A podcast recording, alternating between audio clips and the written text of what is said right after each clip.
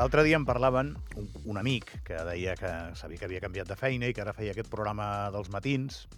Diu, clar, parles de coses molt diferents. Dic, doncs sí. Aquest matí és el millor exemple. Acaba de marxar d'aquí el president de la Federació de la Gent Gran i ara parlarem d'art amb una artista andorrana i quan marxi l'artista andorrana, que us presento de seguida, parlaré de budisme i després d'esports i, i, ale, i així anirem fent la vida. Però de moment li dic hola i bon dia a Ona Saumell. Hola, Ona, bon dia. Bon dia. Gràcies per venir. Merci a vosaltres per acollir-me. Li he dit a l'Ona que sigui mm, divulgativa respecte a l'obra eh, que aquest cap de setmana presenta aquí a Andorra, perquè és que no és només seva, també. És una obra en la que hi té col·laboració. I jo aquest matí, quan preparava l'entrevista, m'imaginava Uh, sempre busques referents així del passat més gloriós i més, més establert. M'imaginava grans artistes veient el que faràs demà, no? Música, arts uh, plàstiques, no sé, uh, el que fas, que és el que, el que et dediques, ball, dansa... Tot això passarà al casino, passarà sobre les 11 de la nit. Es diu Be a Woman, es titula Be a Woman, que ja no sé si dir l'espectacle, la performance, la creació, l'art Aquí m'hauràs d'ajudar, Ona, perquè l'etiqueta em costa molt de posar-la. Jo t'ajudo. I no només la fas tu, sinó que també hem de parlar en l'àmbit de, de la música de la DJ Patricia Mantovani i de la dansa de Brides. Crec que he posat els ingredients al, a la olla i ara m'expliques tu com els cuinem, va. Vinga, va. Doncs, doncs sí, el que comentaves, al final... Què, què es viu en un casino? En un casino al final és una mica aquesta bogeria, aquesta luxúria, aquesta forma d'expressar de, el que som nosaltres a un màxim exponent. Doncs jo vaig dir, pues jo també. la meva obra ha de reflectir aquesta manera tan exuberant, tan exagerada de fer les coses. Per això hi ha tantes cartes i tants ingredients en aquesta barreja. No t'has conformat amb una exposició? No. ja des de, realment des de quan vaig començar amb tot el tema de, de la pintura i les performances d'exposició, ja sempre buscava algo més que una simple exposició, sempre o des d'una conferència, des d'un event artístic, des d'un event eh, experiencial, buscava doncs, que les persones no només marxessin amb aquest impacte visual, que finalment són les obres plàstiques, sinó també amb un impacte molt emocional, és a dir, que ells es poguessin sentir identificats o atrets per aquella obra. Eh, sempre havia començat més des d'un un nivell quasi diria d'exposició i de conferència, perquè hi havia sempre un discurs i del discurs passava a la presentació artística, i aquest cop vaig dir, aquest cop farem a fer alguna diferent. Ja el dia 8 de març, que va ser quan vaig presentar i inaugurar per primer cop la col·lecció artística Via Woman, que estava feta per 12 quadros, parlava, Via Woman parla d'una col·lecció on jo em vaig inspirar amb el llibre de Simone de Beauvoir, del Segundo Sexo. Eh, Simone de Beauvoir finalment és una de les filòsofes més importants, quasi podríem dir, dintre d'aquest moviment del feminisme. Va ser una de les primeres en poder redactar de forma directa i sense cap tipus de tabú el que era aquesta lluita per la igualtat i quines eren per ella els punts més trets característics on ens diferenciàvem la dona de l'home. Jo quan em vaig llegir aquella obra, un, una obra gran, gran, perquè... Un bon totxo. Sí, sí, eren quasi... Jo no, jo no me l'he llegit. Si malament no ho deia, eren quasi mil pàgines, eh? Però la veritat és que em va servir per mi com un, una font d'inspiració i una finestra, si més no, cap a la lluita real de, de la igualtat. Jo sempre havia volgut treballar per la dona, però jo em considero una ignorant encara d'aquest tema, perquè és tan sumament gran que cada vegada que vas entrar més, és una mica aquesta paraula típica de, de la filosofia, quan més sé, menys, més me n'adono que menys sé. Més dubtes tens. Exacte. I llavors, quan em vaig acabar de llegir aquell llibre de mil pàgines que parlaven sobre la dona, vaig acabar i vaig dir, i què és la dona? Dic, uau! Jo pretenia fer aquella exposició per determinar què era la dona i donar una definició i el meu últim quadre bàsicament es diu No sabem què és una dona. Llavors penses, imagino, quan acabes, això que he fet val o no val? Bueno, val en aquell moment, té aquella vigència, no? Sí, i a més te n'adones doncs, que al final aquest llibre ha estat redactat fa molts anys i sí, hi ha moltes divertit. coses que han canviat, però a la vegada hi ha moltes que no han canviat gens. Llavors va ser el moment que vaig dir això es mereix algo més aquesta currada d'aquest llibre i de tot es mereix alguna més. I vas perquè... pensar en barrejar-ho. Ah, exacte. I va ser quan vaig dir, ja que anem a fer alguna artístic, i el propi llibre ho parlava, el llibre parla de- d'aquestes qualitats, de que al final la dona és una mescla. I jo vaig pensar és que al final l'art és una mescla. Hem de mesclar. Quan més arts mesclem, més artística serà la performance. Llavors, vaig contactar per primer cop amb els artistes, aquests ballarins, el Cristian i el Dioni, que tenen aquest grup format per Brights, eh, els vaig contactar una mica aquello de, bueno, no ja lo tengo, saps? és dir, mira, tinc una performance per al dia 8 de març, el, el, la primera que vam fer junts, i no sé si us interessa molt privat, eh, perquè com encara no ho sé com funcionarà, m'agradaria... El algun- casino ho anuncia com un show dinner. Sí, però el, el, el primer que vaig fer contactant a ells va ser el dia 8 de març que vaig fer també una performance Mhm. bastant artística. I vaig comentar això, els dic, ostres, tinc un, un event molt xulo que m'agradaria que participéssiu, els va agradar molt, el dia 8 de març va ser tot un èxit, i llavors els hi vaig dir, vale, el que vam fer el dia 8 de març ho vull multiplicar per 50, per fer-ho públic, que pugui vindre tota la gent que vulgui, a més amb entrada gratuïta, i dic, però jo vull que sigui algo màxim. Llavors, no et donaré gaires detalls perquè busco justament la Sorprèn. sorpresa. Epatà. Lo que sí que et puc dir és que és algo que no s'ha fet mai al país, vull dir, perquè he investigat i realment no s'havia fet mai alguna cosa així al país. Volem ser únics, com el nom del propi casino on es farà aquest event, únic. I, i el, el paper que faran els ballarins, jo quasi diria És que, que, són, és que són bons, aquests ballarins. Uh! eh? no són d'aquest planeta, jo crec. Són ballarins de dansa urbana, que sí, ho he de dir així, que es van apuntar a un concurs i van quedar dels millors del món, si no vaig errat, i no, fa, Exacte. i no fa massa temps. Feien equip amb l'escola de dansa TC. Eh, que Som els de l'escola TC, és Doni és el director d'aquesta escola que li han transmès l'escola la, la parella que ho tenia abans i, i la veritat és que quan els veus ballar l'únic que saps fer és obrir la boca perquè dius em limitaré a fer això perquè és el màxim que puc fer. Sembla que s'hagin de trencar. Sí, sí, totalment. Escolta, abans he tingut una idea per preguntar-te-la quan, quan et veies, quan et tingués al davant. Tu creus que, una, una mica ho he perfilat abans, Picasso ara faria això? Si fos jove? Eh, si, si ara li toqués fer el que tu estàs fent, també barrejaria música?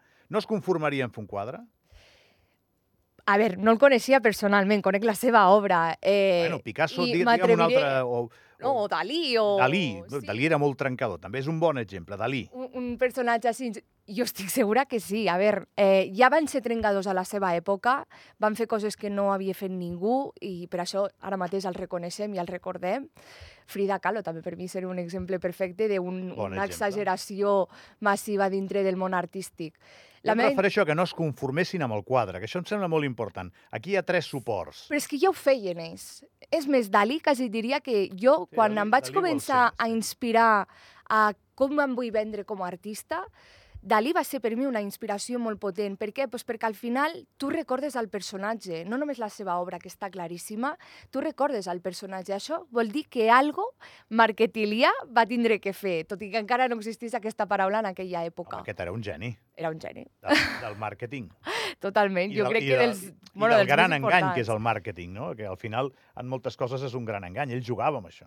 Sí, o, bueno, jo ves que el màrqueting no, no, no m'agrada definir-lo més com un engany, sinó com l'atractiu de poder ensenyar algo que tu encara no saps.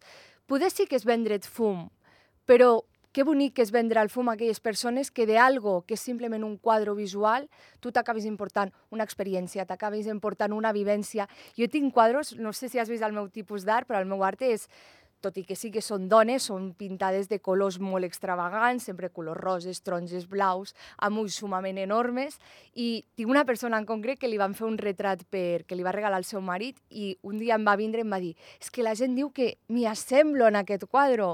I dius, uala, o sigui, t'assembles a una persona de color taronja. Vull dir, però què és el que s'assembla? S'assemblava amb la història que hi havia darrere d'aquell quadre.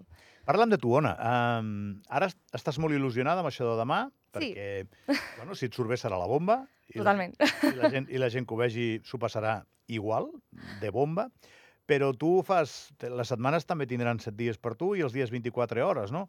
Amb això, com és de difícil guanyar-se la vida amb aquest talent que tu tens, que el tens? Explica'm.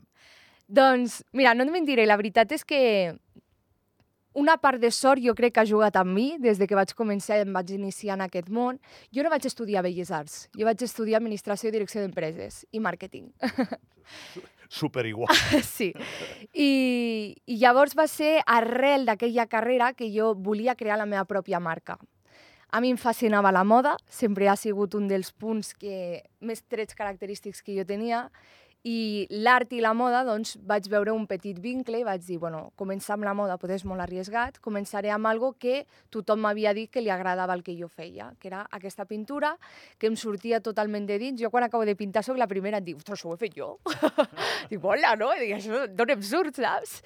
Em surt el meu avi, eh? Vull dir, ja després de buscar... Em surt el meu avi. El meu avi era pintor artístic i, i algun gent ha quedat allà i està sortint ara. Molt bé. I llavors, quan jo em vaig iniciar amb tot el tema de la pintura, eh, vaig començar directament des de la performance, utilitzant molt el màrqueting que jo havia estudiat a l'escola, i jo et podria dir que a mi m'ha anat genial. Vull dir, em puc dedicar plenament Jo vull un quadre teu. Què, què em costa? Els preus són molt variats. Eh, varien molt, no només amb les marques, perquè ara col·laboro molt amb marques, faig molts shows, vull dir, pinto molt en directe, i llavors col·laboro molt amb marques, per lo que el meu listón ha anat pujant. Llavors els quadres és que tenen preus molt, molt, molt sumament variats. Poden basar-te d'un 2.000 euros a un 8.000 euros sense, sense cap tipus de problema. Llavors et guanyes la vida, ona? Totalment.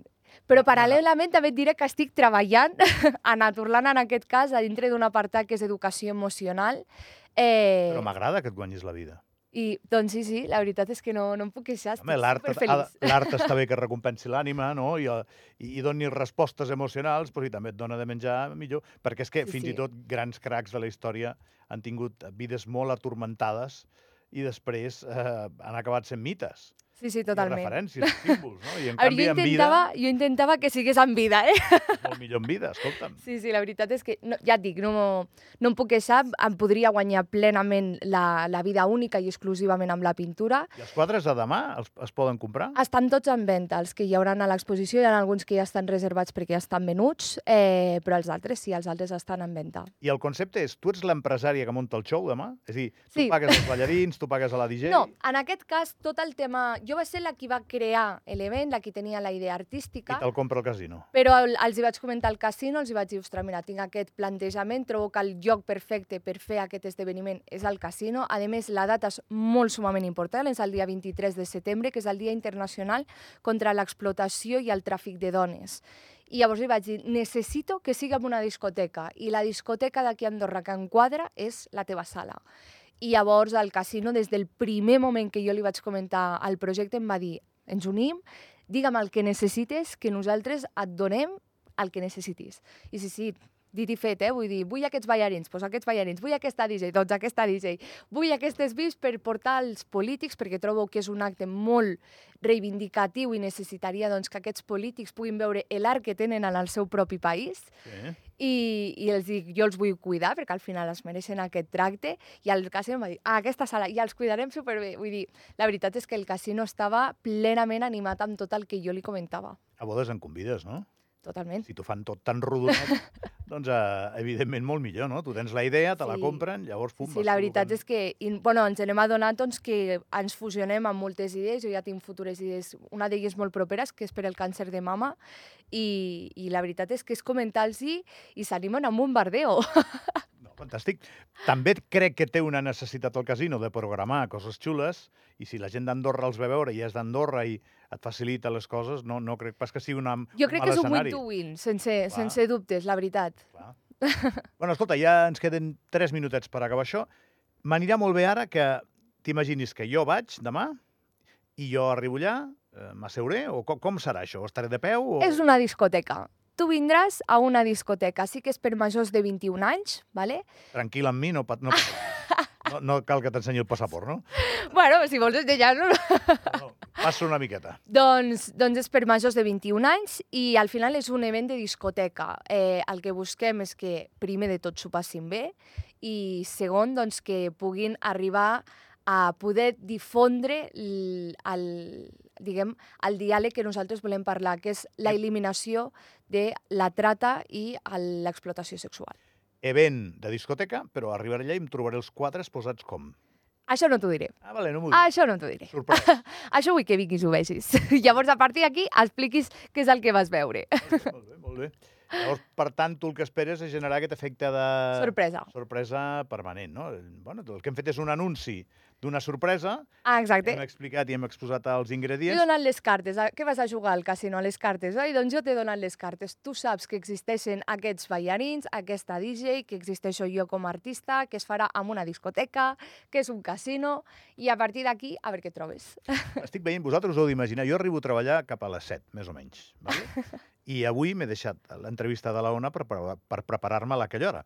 Llavors he començat a mirar el que feia i he pensat, jo estic dormit o això, o això és el que és... No t'ho dic en sèrio. O això és el que sembla. Perquè he començat a veure un DJ, quadres, Sí. els ballarins, i dic... I he pensat, però això Una mica és? de... Sí, és una mica No, vull dir, això, això és un, un, una bogeria, una miqueta, no? I, I clar, després de parlar amb tu em queda clar que pretens exactament Aquesta que idea. jo reaccioni com he reaccionat Totalment. aquest matí amb la informació prèvia i que després els meus sentits dictin sentència un cop ho, un cop ho vegi allà, no? 100%. No trobo millor resum. Que vagi moltíssima gent, Ona. Espero. A veure si es, que, a veure, a veure si es quedarà gent a fora, o no? Acabarà tothom. No t'ho sabria dir. Al nivell tema logística, això sí que s'encarrega al casino. El que sé és que, per exemple, el passat dissabte van arribar a passar unes 1.000 persones en aquella discoteca. Esperem superar aquest número. Ona Saumella, artista andorrana. Eh, és el primer dia que ens hem vist i que ens hem conegut, igual que li he dit abans al Zapatero. Eh, vindràs més, no? Quan, quan em necessitis. El dia di- 19 d'octubre, eh, pel dia càncer de mama, tenim un altre event. Tinc la sensació que no se t'acabaran les idees. No, jo crec que no. Gràcies, Ona. Merci a tu.